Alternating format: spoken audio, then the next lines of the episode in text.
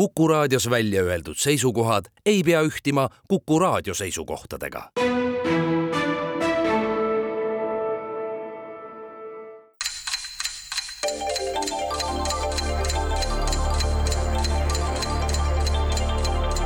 tarkade klubi targemaid küsijaid toetab lisateadmistega Postimehe raamatukirjastus.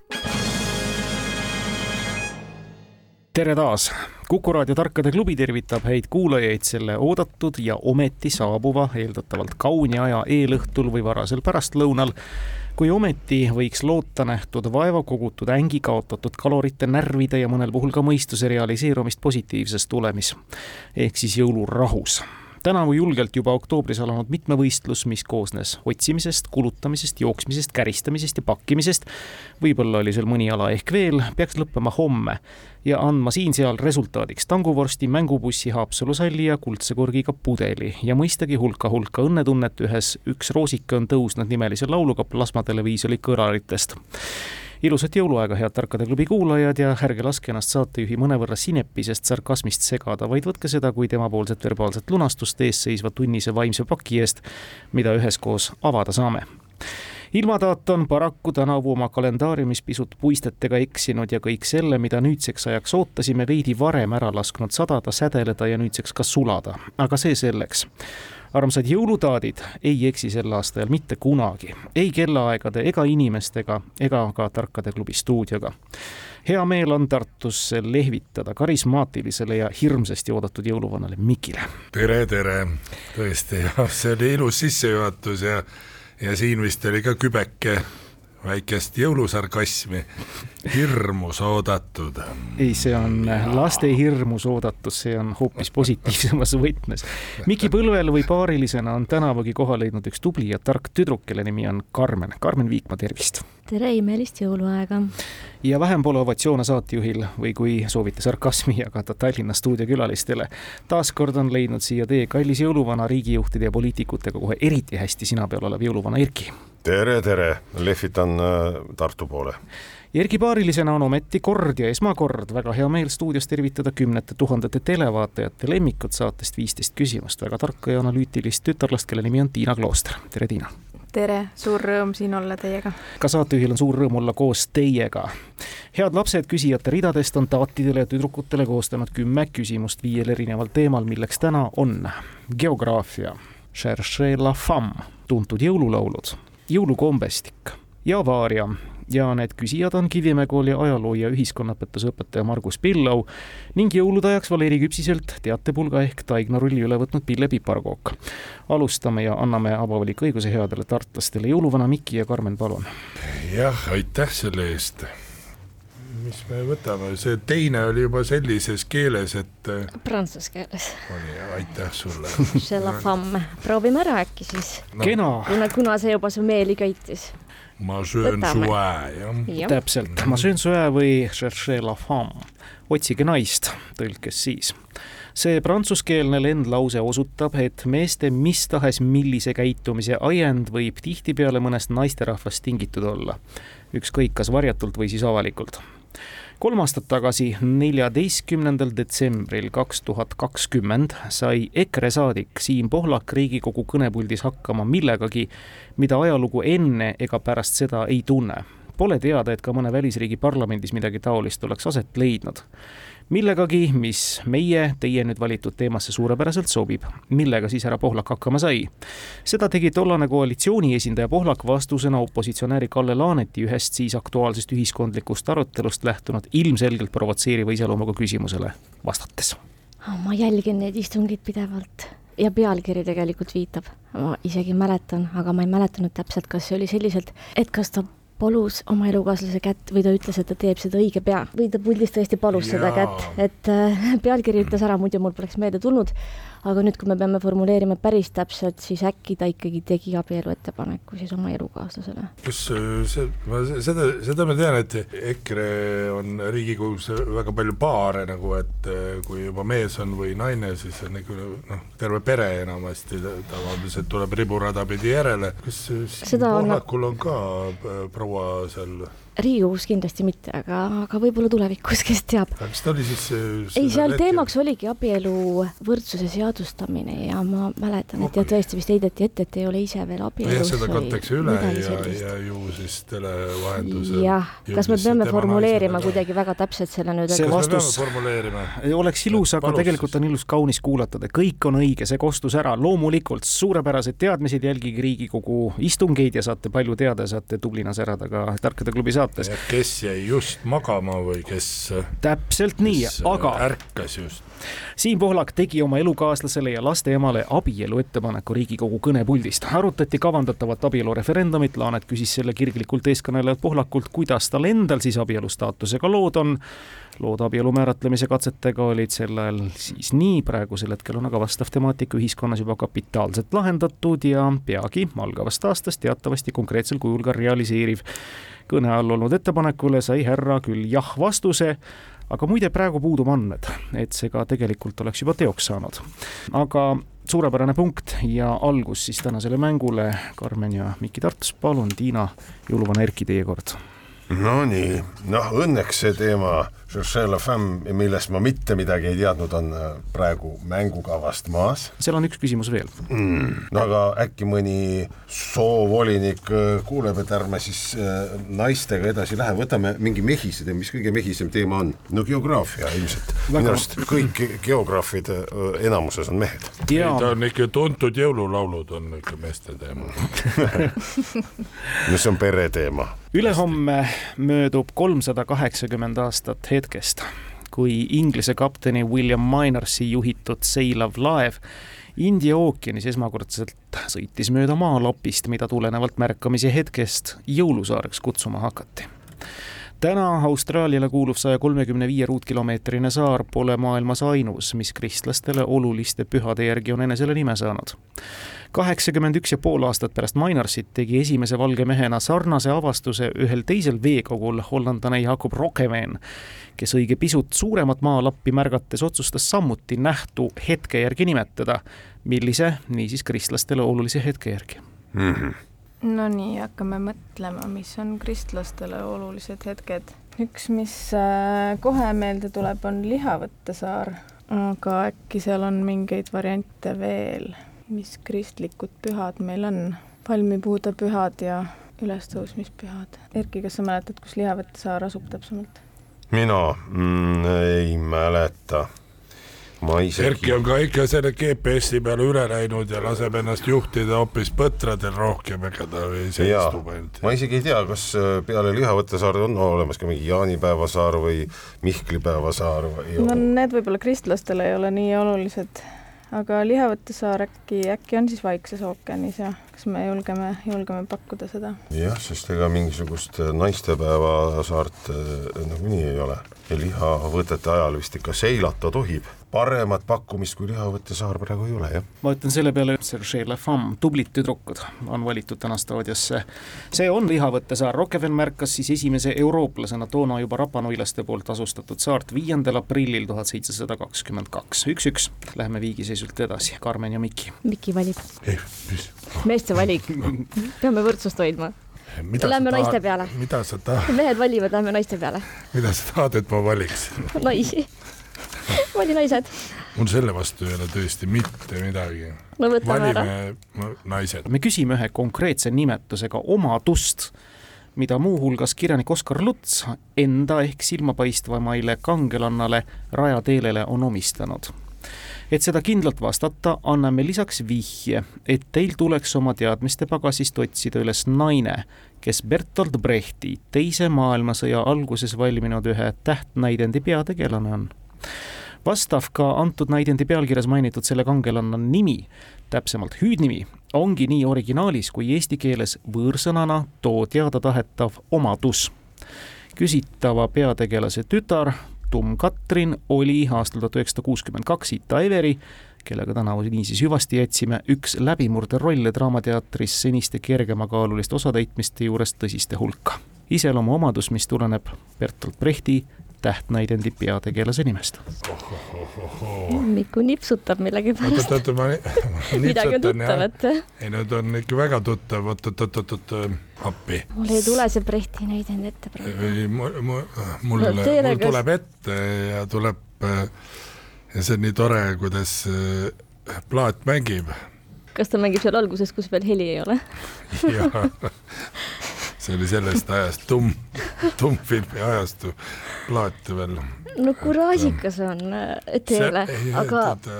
mida Luts silmas pidas? bravuurikas ei, sel ajal kindlasti ei olnud sellist omadust, vähemasti sellises väljenduses, ma arvan. kui me selle nüüd ära anname, siis on, Siis on kindel, et, et Erki juba seal nipsutab ka, millal see, ükskord neile tuleb. see võib ka Tiinalt tulla. see võib ka Tiinalt muidugi tulla, Tiinalt võib kõik tulla, sellepärast et temaga jah, võistlevad inimesed on ikkagi suurte pettumustega nüüd äh, väga paljud äh, psühhiaatriahaiglas, ma arvan, ja, ja tervendavad oma masendust. ja neid on palju. paistab, et äh, ka mina suundun varsti sinna raviasutusse.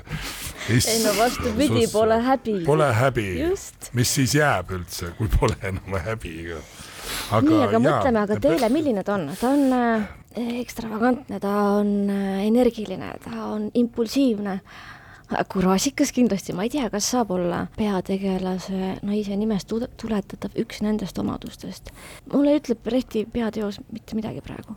oota, jah ikka mängib edasi, jah? ja mängib jah, igasugused kolme Krossi ja, ja sellised ja seal oleks võinud jah, Jaan Kross või midagi niimoodi, aga ma tean, et ma seda tean ja sellest on ka juba päris palju. seda peategelast siis või seda Jah. omadust? ma olen kahtlustanud äh, Breiv, äh, bravuurikas, ma, noh, ma ei tea, Alžeimerit äh, endaga kaasas käimas. julge, aga äkki on Breiv äh, julge, bravuurikas, midagi sellist. lihtsalt pakkumine, sest ei, see on väga hea pakkumine. ma ei tea, pakume bravuurikas ja anname edasi. Jaa, täpselt nii sünnibki, et annate selle edasi, ei ole see bravuurikas õige vastus. Tiina Erki, nipsutate?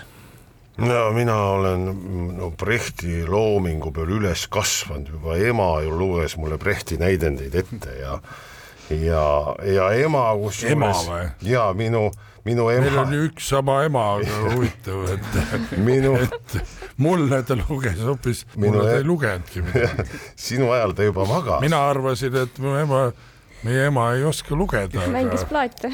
ja minu ema käis ja müüs vanu, vanu ka? asju ja ostis äh, raamatuid ja mu e- ema nimi oli Courage. õige, ema kuraaž ja iseloomuomadus kuraaži jäi Tartus lauda. ema kuraaž ja tema see lapsed lauda, ta oli juba laua peal, jah. ja, ja pidi peaaegu et siia jõudma punktiks, aga ei saanud. Saksa autori teos pühkis maha habemega. on see kolmekümneaastasest sõjast jutustav näidendik kangelanna hüüdnimi prantsuse keeles.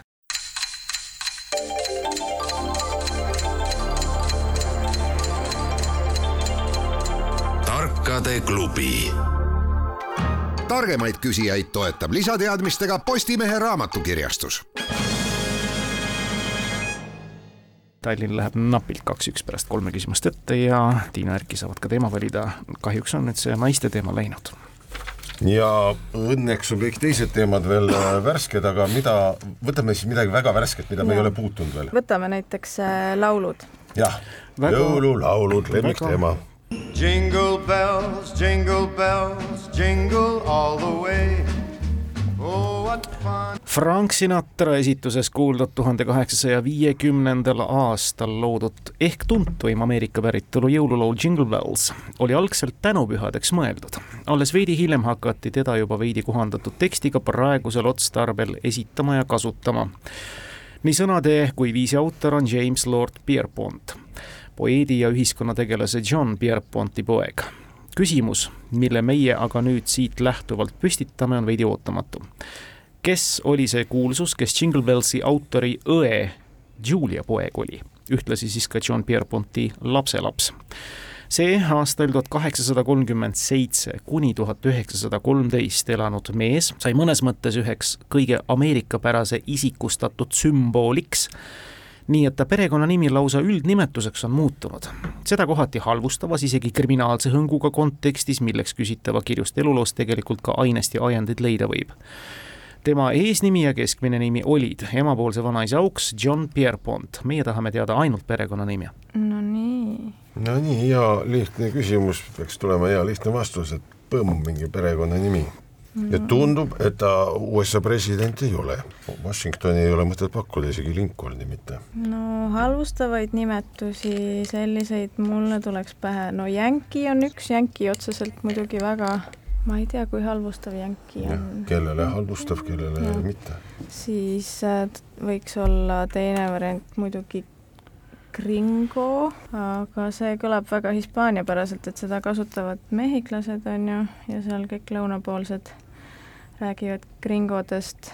see võib-olla on veits halvustavam kui Yankee, siis ta kõlab nii hispaaniapäraselt, et võib-olla see ei ole sellest ameeriklase perekonnanimest ja, ja Yankee võib olla ka mingi, võib-olla see on ka mingisugune kohaga seotud rohkem. mis on Ära. veel, mis kõiki ameeriklasi isikustatuna sümboliseerib keegi? kui sa kujutled mõnda õudset ameeriklast, mida sa talle ütleksid, et ah, sa paganama, onu Sam, jah. see peaks niimoodi kohe silme ette lööma, pähe lööma, see, see nimi, kõik ameeriklased on on üks igavene, sa oled üks igavene jänki.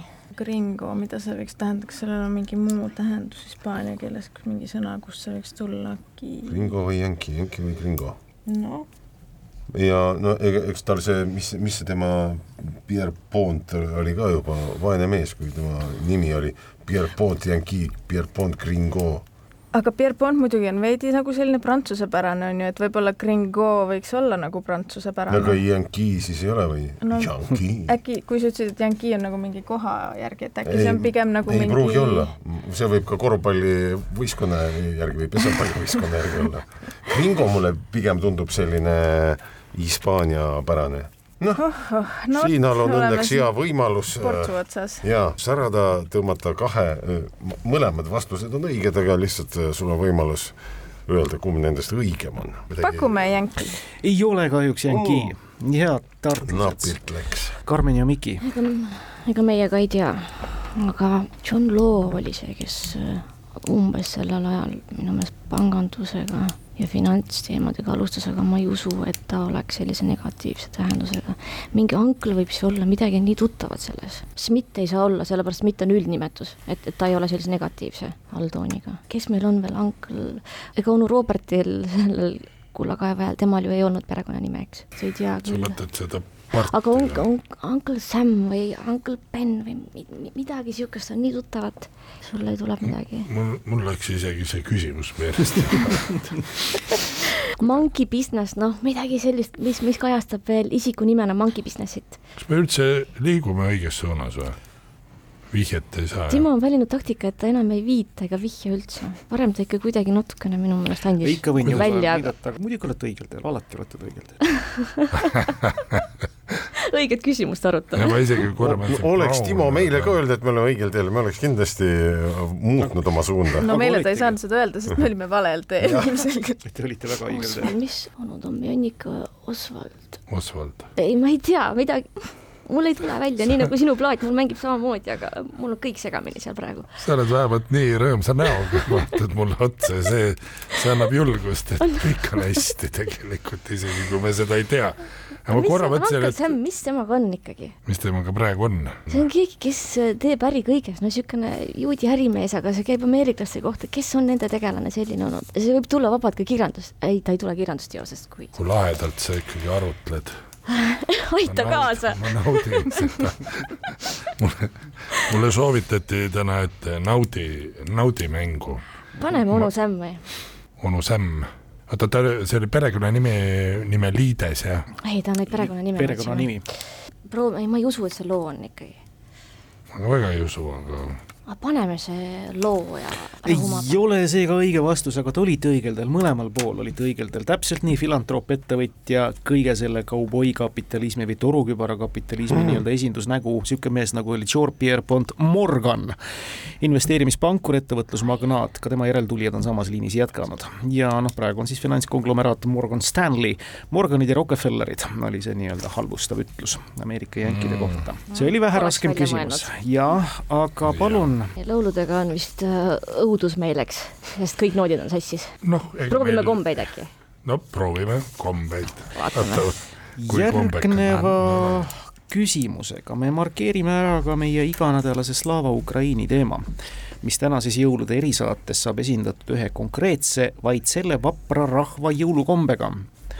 Üks ilus Ukraina legend kõneleb loo lahkest Ukraina lesknaisest ja tema pojast, kes endile pühadeks kuusekäbist ilusa jõulupuu kasvatasid.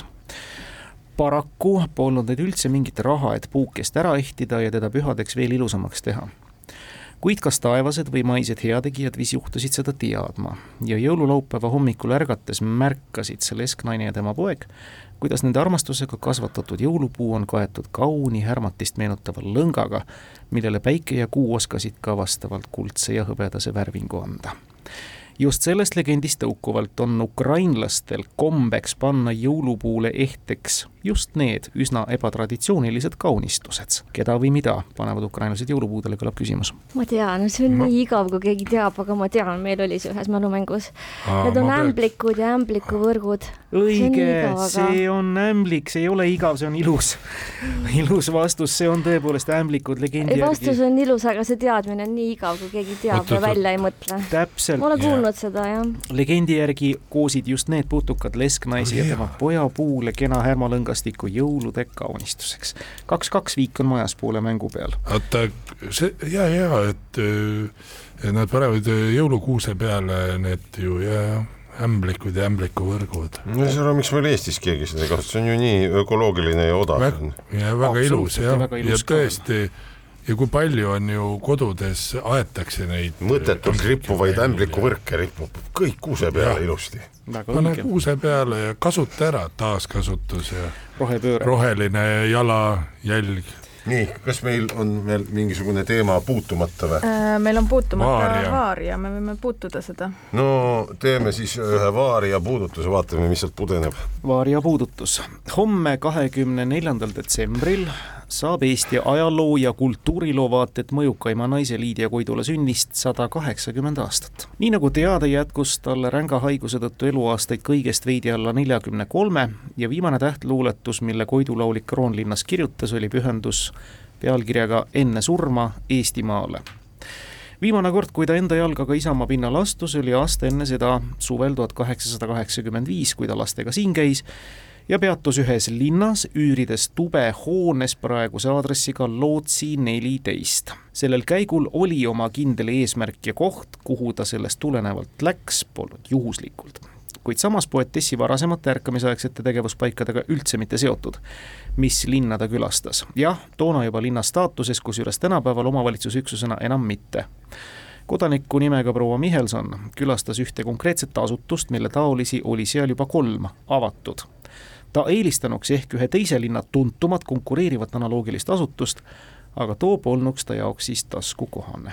millist paika külastas oma viimasel kodumaa külastusel Liidia Koidula tuhat kaheksasada kaheksakümmend viis? tuhat kaheksasada kaheksakümmend viis. kas ma sain õigesti aru, et enam see ei ole linna ta ei ole linna staatuses, jah. mm. -hmm. ja tuli sinna siis lastega? klassikaline pereema, kui ta läheb lastega kuhugi, siis ta läheb ikkagi spaasse. jaa, läheb spaasse. spaad ja muud sellised kuurordid võiksid olla laps lastega külastamiseks. no me ei tea ka, kas ta käis nüüd suvel või talvel või? on öeldud suvel, tuhat kaheksasada kaheksakümmend viis. siis hakkas eh, levima ju see, et eh, hakati lausa selliseid eh, rannakuurorte tegema, et inimesed hakkasid käima meres ujumas, siis öeldi, arstid isegi soovitasid. jah, aga see asutus on konkreetse aadressiga, järelikult see peab olema mingi ikkagi e ehitis on ju jah, ja Lootsi neliteist vihjab merele, nii et ma ka läheks, läheks merepoolsete asulate poole. sest et need puhke või need suppelkuurordid olid tavaliselt ka see, kus inimesed ka ööbisid ja tantsisid ja restorane nautisid, et selles mõttes mm -hmm. võib-olla küll mingi suppelasutus pigem Ja. Kuigi ma imestan, et kui ta tuli sealt, mis see Kroonlinn. Kroonlinnast, no ju siis seal ei olnud ja. aga kui ta oli haige äkki juba siis, et siis tal tuli noh, sanatooriumisse ütleme. jah maakeeli sanatoorium jah ja., sest tol ajal nad seal mitte ainult ei ujunud, nad seal ka võtsid äh, soolaveevanne ja jõid just. seda merevett, et see just, oli. just, just. kui me välistame Haapsalud ja Pärnud ja need äh, nii-öelda, mis on endiselt linna staatuses, mis kuurordid meil alles jäävad? no kõige populaarsemad olidki jah, Tallinn, Pärnu, võib-olla kui sinna Ida-Virumaa poole liikuda mm. -hmm. mul ka kuidagi tõmbab sinna Ida-Virumaa poole. Narva-Jõesuu minu arust on endiselt linn, kui ma ei eksi. Toilad on ka veel linnad, aga mis seal on siis sellist? tead, Toila võib-olla ei ole, minu arust Toila ei ole linn.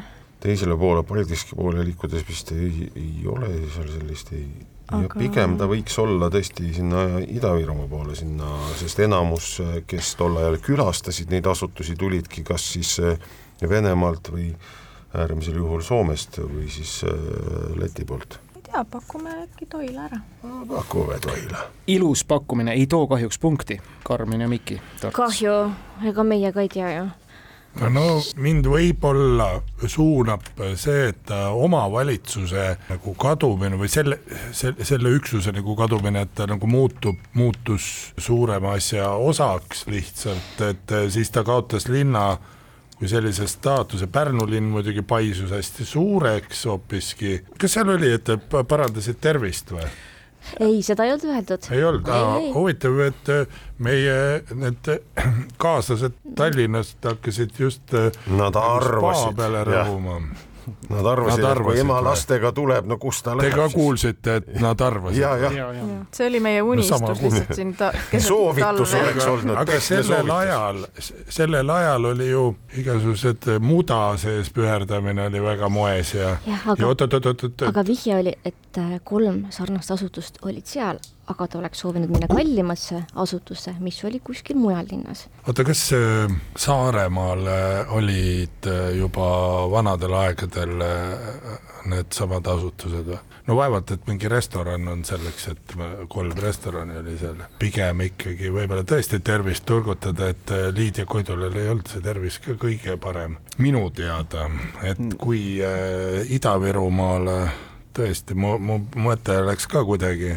Lootsi tänav on muidugi kohe kindlalt on äh, Tallinnas.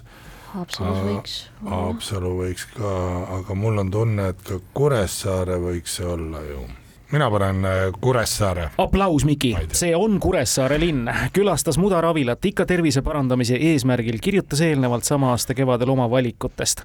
mina pean mingisse Mudaravilasse minema, kui tahan tulevast talve veel üle elada, aga kuhu? Kuressaare nõuab kaks ööd-päeva meresõitu, Haapsalu on nii kallis. see on see häda. lisaks meenutame, et linnaõigused sai küsitav linn hertsog Magnuselt tuhat viissada kuuskümmend kolm aastast kaks tuhat seitseteist Kuressaare enam iseseisev omavalitsusüksus ei ole. mäng jätkub Tartu paari napil kolm-kaks eduseisul pärast kuut küsimust ja Karmen ja Miki saavad ka nüüd valida. no Miki, poiste valik poiste valik. geograafia, laulud, kombed ja vaaria. sa ütlesid, et laulud on äh... olemas veel, üks lauludest peaks olema mm. -hmm. proovime laulu ka või? no laulame ah?, laulame. sa, sa küll väga optimistlik ei ole, aga Va. vaatame, mis laulu me laulame. vaatame, mis laulu me. ja ongi ja. konkreetse laulu kohta küsimus. see nelikümmend aastat tagasi esmakordselt kuuldud ja väga tuntud jõululaul on tegelikult väga traagilise ja kurva sisuga. kõneleb jõuluõhtul ühe mehe ja naise vahel lahvatanud romantilisest suhtest, mis järgmisel päeval küll lahtub järgmisel aastal, samal ajal kui saatus nad taas vastamisi viib, mehe ja naise, siis ei tee nad teineteist juba tundmagi. milline kuulus jõululaul, mille tuntusele aitas kahtlemata kaasa ka tema kirjutaja ja produtsendi karismaatiline isiksus? issand jumal ma sain oma veast juba aru suhteliselt esimeste sõnade juures. nii, aga nüüd tuleb sellega kuidagi edasi elada nii, kaheksakümne kolmandal aastal ilmselt siis on see lugu loodud, karismaatiline produtsent. Ega me vist siit vihjet jah ei saa, et no vihjed me saime kõik vist, kätte juba ta vist ei ole. Eesti ei, ei, ei kindlasti mitte. ja, ja karismaatiline produtsent ja ei, ei, Eestis ei üldtuntud ole. äh, lugu seda Eestis vabandame kõikide produtsentide eest, ei mõelnud nii. ei no aga noh, ei, kui ei ole, siis ei ole, no no siis Miku, no äkki ikka keegi on. aga aga maailm on suur ja lai. me kindlasti teame seda lugu, muidugi. aga me ei pane nüüd sisu, me ei pane kokku selle viisiga. no midagi romantilist natukene, pigem ta ei ole selline Jingle Bells tempoga, vaid on natukene sellisem, ega me vist välja ei mõtle, ei mõtle vist jah. jõuluhani äkki või? Honey inglise ei ole keeles, sellist lugu ju. ei ole või? Um, Eesti keeles jõuluhani, anname vastastele. püüdsin lihtsalt nalja teha. Lihtsalt annate. turtsatust esi, kas te õngitsema ei taha? no mälumängus neid ei tehta, aga me Õngitseda, kuule. mis me õngitseme, me peame mingi pealkirja lihtsalt pakkuma jõuluvana teab ju igasuguseid jõululugusid, muidugi teab. aga jälle see plaat ei mängi praegu, eks. see, mul on tunne, et see ei ole jah, tavaline jõululaul, aga ja seda Eestis äh, väga ei, ei laulda, et ta ei ole nii populaarne. Ma ei tea, Soovide öö. soovide öö, ilus jõululaulu pealkiri ei ole kahjuks õige jah, Tiina? kui, kui ma kuulsin seda küsimust, mind haaras õud, sest et on olemas selline, selline jõulueelne mäng, mida inimesed mängivad ja Jah. mäng, mängu nimi on Whamageddon ja kes kuuleb kõige rohkem seda laulu Ja-, siis kui sa, kui sa kuuled seda laulu Last Christmas Whammilt, siis sa oled selle mängu kaotanud ja nendel jõulueelsel ajal siin praegu minul on läinud nii hästi, et mina veel ei ole kaotanud. oi-oi, mina kuulen iga päev seda, vähe sellest, et eh, raadiost, aga isegi on lapsi ja emasid, kes on seda üritanud laulda. Nende reeglite järgi on nii, et ainult originaal loeb, nii et kõik remix'id ja, ja mitteoriginaalid, need sobivad. aga pakuks siis Last Christmas ja Wham. kahju, et sa oma sõprade seas selle mängu praegu kaotad.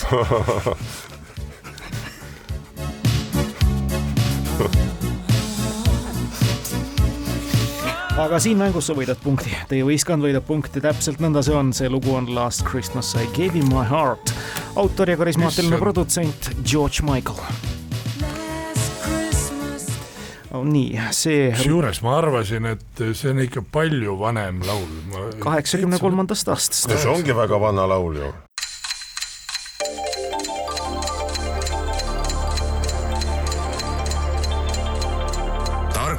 Klubi targemaid küsijaid toetab lisateadmistega Postimehe raamatukirjastus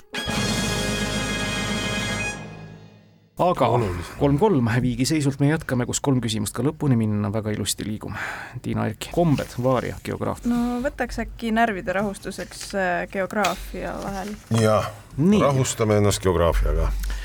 mille poolest jõulutemaatikaga seonduvalt on märgilised Demre linn Türgis ja Bari linn Itaalias. Demre linn kandis vanal ajal nime Müüra, see asub Vahemere ääres praeguse Antalya provintsis kunagises ajaloolises Lüükias. Bari paikneb Aadria mere ääres Apulia provintsis. Neid ühendab kaks sündmust, millest esimene toimus arvatavalt viieteistkümnendal märtsil kakssada seitsekümmend pärast Kristuse sündi ja teine keskajal üheksandal mail tuhat kaheksakümmend seitse. see teine mainitu on oma olemuselt kellegi või millegi peale tungivate moslemite eest päästmine. Demre ja Bari, Müüra Türgis ja Bari on Itaalias või? just no ma tean näiteks, et äh, Müüras on ju ka tuntud selle poolest, et seal mingisugused äh, inimesed kaljude sisse tegid omale maju ja elasid seal. Võib-olla nad ka jõulude puhul tegid mingi koopa, läksid sinna sisse. kellegi või millegi päästmine, no kakssada seitsekümmend on päris varajane aeg, see on selline varakristlik aeg. ütleme, hämar aeg oli siis. mõlemad on üsna hämarad. ja praegu tundub küll, et väga hämar see vastu, vastamine on siin niisugune hämaravõitu. peas valitseb hämarus. kuidas seonduvad jõulud, Vahemeri, no kuna oli hämar aeg ja see toimus nii ammu ja siis selge see, et see kõik toimus küünlavalgel, need mõlemad sündmused. seda küll jah. mida siis võis, kristlased võisid päästa moslemite eest, noh mingi kiriku, mingisuguse reliikvia. inimesi nad ei võinud päästa lo, lo, loomi, varandust ei võinud päästa, ei, tol ajal ei olnud inimestel varandust. no see on, need on ka variandid mis jõuludega seondub, päästsid jõulukuuse? vot see tuli praegu rubriigist geograafia, ikka jõuludega võiks ka seotud jah ja. jõulukuused, moslemid nagunii ei saa aru, miks meil jõulukuus on, peidame ta igaks juhuks ära, muidu panevad küttepuudeks. jõulu, kuule, aga äkki on jõulurahuga seotud kuidagi? et ükskord kuulutati välja jõuluraha. kuulutati välja jõulurahu, et jõuaks midagi päästa nii, ja teine, ja siis kaheksasaja aasta pärast jälle, kuulge, kuulutame jälle, aga mis see jõulurahu siis andis? no et nad jõudsid selle millegi ära päästa, mis iganes see oli.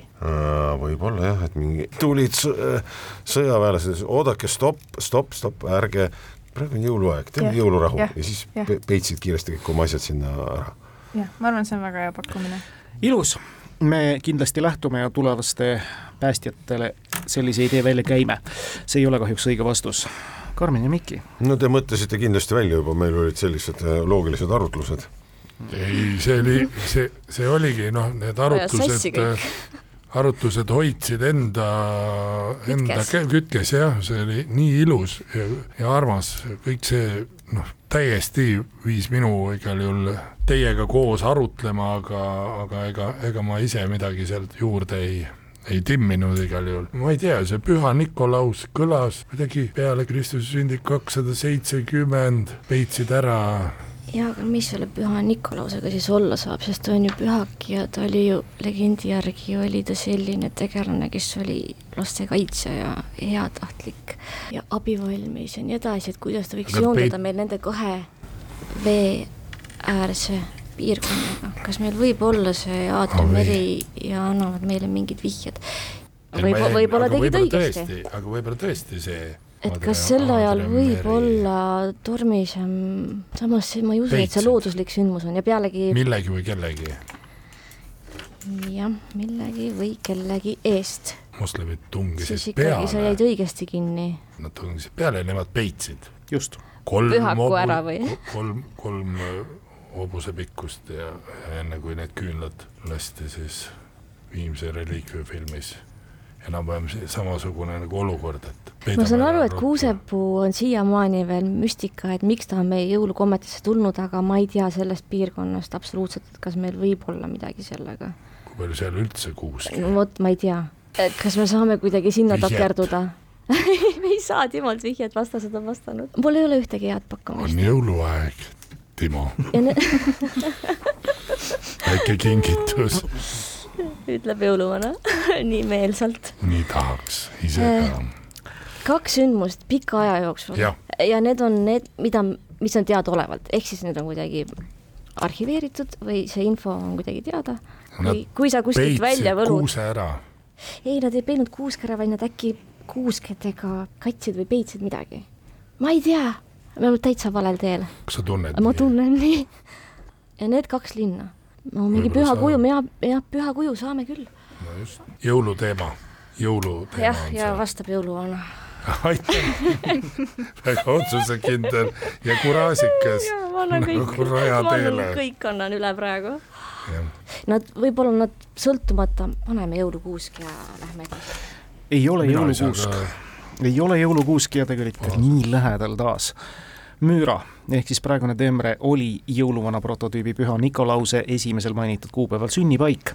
seal möödus tema elu ja teenistus, imetegusid korda saatnud piiskopina. baarisse toodi Müürast tema säilmed, kui türklased õigeuskliku Bütsantsia hakkasid järk-järgult vallutama ja tänini muide on selles Itaalia linnas tema ehk siis Püha Nikolause säilmed no.. jõuluvana võttis vitsa välja praegu. meil on kombestikku ja meil on vaaria. kumma te valite? Vaaria või kombed? ei, ei, ei, vaaria väga hea. vaaria on väga hea. ja jõuamegi piparkookideni mis on meil mõistagi traditsiooniline jõulumaiustus, nende tarbimise kõrghooaeg on seega tavaliselt ligikaudu kuu-poolteist enne, niisiis nüüdki kohe kätte jõudvate suurte pühade ja aastavahetuse perioodi ja veidi pärast sedagi muudel aastaaegadel on vastavad tooted palju väiksemas koguses kusagil toidukaupluste kõrvalisematel riiulitel kui sealgi. kuid ühel teisel Euroopa maal on piparkoogid teatud juhul koguni ka õrnemate ja diskreetsemate suhete teenistusse rakendatud see tähendab täpsemalt, et ühe tuntud ja aastast aastasse korduva, muidu märkimisväärset maskuliinset olmekultuuri viljeleva ürituse käigus soetavad mehed endale selleks valmistatud suuri südamekujulisi piparkooke, millel on pael küljes ja riputavad need seejärel oma välja valitud daamidele kaela. glasuuriga on nendele kirjutatud Ma armastan sind tõlkes sellisena on antud tava mainitud sündmusel tuhande üheksasaja viiekümnendate lõpus juba välja kujunenud, aga tegelikult sai too üritus järjepidevalt alguse juba tuhat kaheksasada kümme, kui kohalik kroonprints ja tulevane suverään Ludwig printsess Theresega abiellus ja rahvale ühtlasi pidustused korraldati nii, et antud kontekstis väljendavad kirjeldatud stiilis piparkoogid niisiis juurte juurde naasmist. millisest üritusest millises riigis on jutt? selle toimumise aeg ei ole detsember ega ka jaanuar ja ka valentinipäeva paiku näiteks mitte, kaugel sellest? nii, kroonprints Ludwig viitab sellele mm. -hmm. ja kaugel sellest, ehk siis maskuliinne olmesündmus või? järelikult see üritus on jah Kus? oma olemuselt maskuliinne, aga see aktsioon nende piparkooki kujuliste südametega on väga tundeline ja õrn. no jõuluvana teab ju igasuguseid kombeid ja no kui ta on ikka jõuludest ikkagi väga kaugel, siis ei pruugi üldse minu sellisesse mäluriiulisse sattuda, aga muidugi, et piparkoogid, siis ta ju võiks. mitte midagi ei ole tuttavat? Midagi ikka on, kuningas. kroonprints Ludwig, me võime proovida riiki pakkuda. siin ei ole nii nagu klassikalises mälumängus, et me võiksime kahte riiki pakkuda ei, vot seda siin ei ole jah. see peaks olema, olema tegelikult sündmus, mida me teame, ehk siis ta on meie kalendris kuidagimoodi, on ta teistmoodi, aga Halloween. kuule, ma korra mõtlesin, et mingi festivali moodi asi ikkagi. ma mõtlesin lihtsalt jaanipäeva, mõtlesin, et, et meil otsitakse seda sõna, sõnajalõit ja pannakse padja alla just, siis nähakse oma kroonprintsi unes et noh, et võib-olla siis teisel maal on natuke teistmoodi, et küpsetatakse piparkooki, kirjutatakse ja valitakse ja antakse talle üle, et see noh, selline pööripäeva sündmus, suvine pööripäev kuidagi tuli mulle, aga mis ta maskuliinseks teeb? mingisugune selline festivali moodi asi, kus vist enamasti on meesosavõtjad. meesosavõtjad või? ma arvan küll jah, sest see on maskuliinne üritus ju. ainult tänaval... mehed ja nad kingivad üksteise mitte üksteisele ah,. oma väljavalitule ikka. su habe meeldib mulle väga kingin sulle selle südame ei no see oleks väga tore, tegelikult, mis siin naljatada ja naerda, aga ega seda Ma armastan sind eh, isegi piparkookide peal kohtab ju suhteliselt harva ja, ja pea, üle huulte seda ju noh, pea praktiliselt ei tulegi, et aga, aga see on, see on midagi sarnast nagu Brasiilias on see suur festival või siis ma ei tea kas.... samba karneval seal on no, mingi umbes sellist asja me otsime. oota, Holland nii, me võime riigina. kas Holland nagu läheb paremini sellesse? ma ei tea, ma ei tea, mis sündmus see on, mitte midagi ei ole tuttavat. pakume riigi ja anname vastastele. jääme nagu Hollandi juurde. Holland ilma täpsustuseta ei anna kahjuks ka poolt punkti. Tiina, Erki no ma ei tea, mulle alati tundub, vähemalt jõuluvanana, et alati mehed lähevad selliseks romantiliseks, noh vähemalt nii romantiliseks, et hakkavad midagi naisterahvale kaela riputama ikka siis, kui nad on natukene tead napsu, nap, napsu võtnud. Ja Eestis eh, võib-olla nad peavad väga palju napsu võtma aga väga paljudes Euroopa riikides nad eh, piisab, kui tead paar, paar õlut ainult jood juba. paar, paarsada liitrist õlut. paar liitrist õlut ja juba tuleb välja taskust hopsti piparkook ja see ei pruugi tõesti olla jõulude ajal, see võib olla ka mingi sügisesel ajal ja näiteks oktoobris. kõik õige ja me jõuame Müncheni Oktoberfestivini. Saksamaal algusaegadel üheksateistkümnendal sajandil niisiis Baieri kuningriik ja selle kuulus kuningas Ludwig. see on Oktoberfest Saksamaal, kus taoline kombestik tõepoolest pärast paari liitrist õlut kipub võimust võtma. Tallinn saab siit neljanda punkti, tartlastel on punkte kolm, meil on kena viigi võimalus veel siin jõulureedel õhus ja kõigepealt siis küsimus teile, Tiina Erki. järgnev küsimus on sõnamänguline ehk kalambuurne ja võib-olla pisukest tõlketaipugi nõudev. paljudes Anglo-Ameerika maades kutsutakse jõulupühadele järgnevat esimest nii-öelda argipäeva ühe spordiala nimetusega. ehkki konkreetse spordialaga see seotud ei ole, küll aga tavapäraste tegevustega sel vahetul jõulupühade järgsel ajal. nimetage see spordiala no sporti on üldse jõulueelsel ajal või? väga raske teha ja, ja jõulujärgsel ajal veel raskem teha, eriti kui see on mingi füüsiline sport ütleme niimoodi, et ja. aga käelised tegevused on nii enne kui ka peale jõulusid äh, väga populaarsed. kas see võib olla siis see päev, kui sa paned kõik jõulukaunistused ja serviisid ja kingitused tagasi karpi ära ja see võiks olla Boxing Day. õige, see on poksipäev ehk Boxing Day ja tuletatud tõepoolest kingikarpide ja kõige muu karpidega napi võidu on saanud tubli Tiina ja jõuluvana Erki ja suurepärase mängu on pakkunud meile arutlusoskusi jõuluvana Miki ja kallis Karmen Tartusse. nii tore on teiega olnud see jõulureede taas veeta, meie mängukombestik. palju õnne vastastele. ja väga... oli teiega tõesti väga tasavägine. oli, oli põnev lahing aga põneva lahingu lõpetuseks pärjame kedagi headest kuulajatest ka kiitusega valminud küsimuse eest. no isegi nii. minu meelest oli romantiliselt sõnastatud see Oktoberfesti küsimus. see oli tõesti ta oli ilusasti sõnastatud. ilusti sõnastatud ja täpselt vastuseni rajav, teed rajav, mis te arvate? see oli tõesti ilusti sõnastatud ja, ja, ja ka väga selline, selline armastust täis küsimus, mis sobib ja, siia jõuluaega. ja kuigi ta just ei olnud jõuludega seotud, ometigi on see ka jõuluajal sobiv küsida. alati ja kord. kinkida ja oma kinkida. kallile nüüd tead, et kui lähed õlut ostma, siis igaks juhuks osta ka piparkoogiküpsised ja ütled, et kuule, see on Oktoberfesti traditsioon. aitäh veel kord, Karmen ja Minki aitäh, Tiina, aitäh, Erki, ilusat jõuluaja jätku, vana aasta lõppu ja paremat uut. hoolega hoitud auhinnad toob kohale Smartpost Itella. lõpetame saate taas kuulajamänguga eelmisel korral lõpetas saate küsimus, mis tahtis teada, kellele annetas tuhande üheksasaja viieteistkümnendal aastal poole oma saadud Nobeli kirjanduspreemia auhinnarahast Prantsusmaa kirjanik müstik Romain Rolland. tegemist oli ka prantslase endise tööandjaga, kes hiljem ise pälvis Nobeli preemia õige vastus on, et selleks oli Punase Risti organisatsioon, mis esimese ilmasõja aegu oma tegevusega nõnda Rollande liigutas, et ta leidis võimaluse toona päris suure summaga organisatsiooni toetada. kõige õigesti vastanute vahel naeratas loosiõnn kuulaja Roosi Lepale. palju õnne, teiega võtame ühendust. uus nädala küsimus kõlab tsitaadina see näidend ei vaja mitte eessõna, vaid järge, mille olen omal kohal esitanud.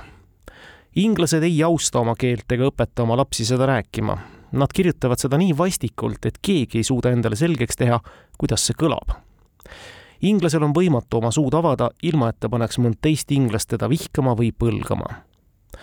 Saksa ja hispaania keel on välismaalastele kättesaadavad. Inglise keel pole kättesaadav isegi inglastele endile. Tsitaadi lõpp. küsimus kõlab, kes ja millisele oma loodud ning sada kümme aastat tagasi esietendunud näidendile taolise tiraadi kaaskirjaks kaasa pani. ootame vastuseid nagu ikka e-posti aadressil tarkadeklubi.kuku.ee või tavapostiga aadressil Tartu maantee kaheksakümmend, Tallinn, Kuku raadio, Tarkade klubi. samadel aadressidel on oodatud ka teie küsimused saateis mängivatele tarkadele. tänaseks lõpetame. Ilusaid jõulupühi ja kuulmiseni